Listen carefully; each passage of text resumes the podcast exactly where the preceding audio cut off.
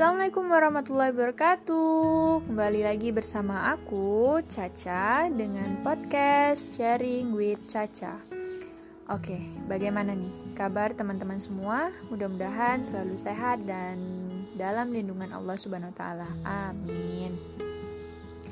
Oke, kali ini aku akan membahas tentang menasihati kawan atau teman. Pernah nggak sih kalian punya pengalaman menasihati kawan. Atau mungkin sekarang ada yang lagi berusaha untuk menasihati kawan nih. Nah, kira-kira aku pengen dengar dari pengalaman kalian menasihati kawan. Apakah semuanya berjalan lancar atau ada kendala? Contohnya, pas menasihati kawan, ada yang langsung menerima dengan baik, ada juga yang mungkin malah dimarah balik. Nah, gimana?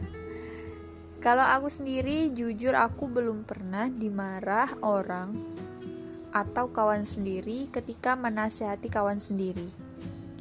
Mungkin balik lagi ya ke diri kita.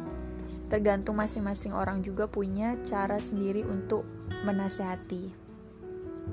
Nah, sebenarnya hukum menasehati itu bagus nggak sih? Atau baik nggak sih? Wajib, sunnah, fardu kifayah atau bagaimana? Hukumnya yaitu wajib karena agama Islam ini adalah nasihat. Seperti hadis Nabi ad-dinun nasihah. Agama itu adalah nasihat. Sebenarnya menasihati itu bagus dan perlu banget dong itu artinya kalian peduli dan sayang dengan orang di sekitaran kalian ketika mereka ada di tempat yang salah ataupun sesuatu yang buruk bagi mereka sendiri. Dan itu keberuntungan bagi orang yang mendapatkan nasihat tersebut. Ya nggak sih? Iya dong. Ibarat ketika kamu lagi jalan nih di tengah jalan ada batu kerikil kecil, tapi kalau kamu tetap jalan, dan nggak pakai mata, nggak lihat batu kerikil kecil itu, itu berpotensi kamu bakalan jatuh tersungkur.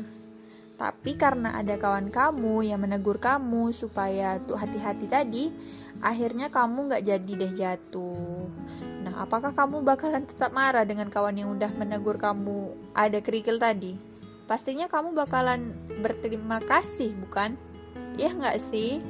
Coba kalau kawan kamu nggak negur, tapi dia udah lihat kalau di depan kamu tuh ada batu. Jahat kali nggak sih? Cuek banget nggak sih? Apalagi pas kamu udah jatuh, dia cuma diam dan nggak peduli. ya ampun. Itulah ibaratnya ketika ada yang menasihati kita, padahal itu halnya kecil banget, tapi berdampak besar. Itu artinya kawan kalian sayang banget sama kalian. Coba kalau kawan kalian gak peduli, mereka gak akan mau capek-capek nasihatin kita. Peduli apa gue sama mereka? Hello, hey, surga itu luas cuy, gak seru kalau mainnya sendirian.